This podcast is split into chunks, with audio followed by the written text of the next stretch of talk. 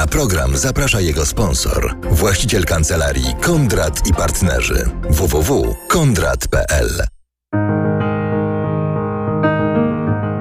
Michał Stępień, radca prawny w RMF Classic. Dzień dobry. Dzień dobry. Przy okazji pandemii koronawirusa dużo mówi się o tym, że patenty medyczne mogłyby w jakiś sposób spowolnić wynajdywanie szczepionki. Dlatego wiele zespołów naukowych na całym świecie zrzeka się tej wyłączności na wyniki swoich badań. Naukowcy dzielą się między sobą e, tym, co opracowują, jeśli chodzi o szczepionki, jeśli chodzi o leki.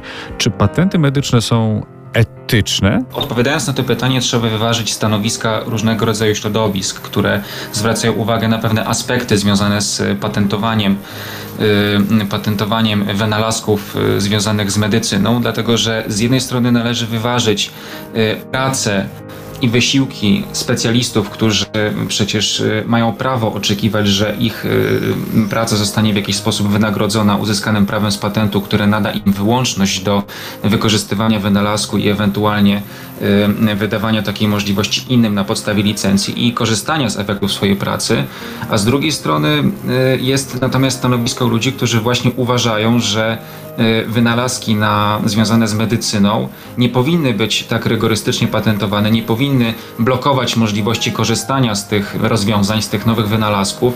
Innym wynalazcom, którzy y, mogliby w oparciu o, o te rozwiązania dopracowywać nowe, pozwalając dzięki temu na poszerzanie tej y, wiedzy medycznej i w efekcie też y, pozwalając pacjentom, pozwalając chorym na szersze, szybsze, tańsze korzystanie z efektów tej pracy. Czy to jest tak, że w patentach medycznych prawo inaczej się zachowuje niż w innych patentach dotyczących zwykłych wynalazków? Na przykład jeśli chodzi o okres ochrony, czy tu wszystko wygląda tak samo?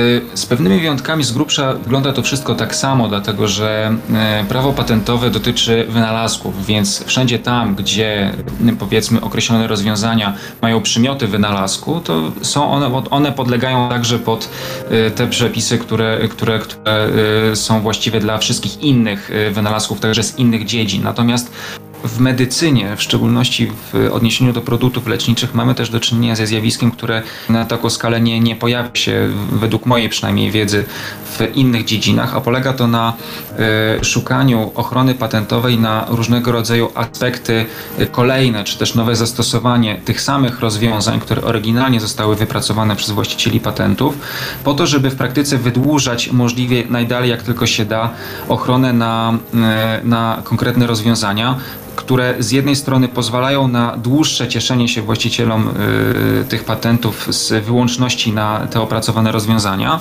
natomiast z drugiej strony y, też blokując skutecznie y, możliwość innym twórcom do wykorzystywania ich. Takie zjawisko jest i to zjawisko też wydaje mi się, że należałoby na nie spojrzeć z punktu widzenia etyki.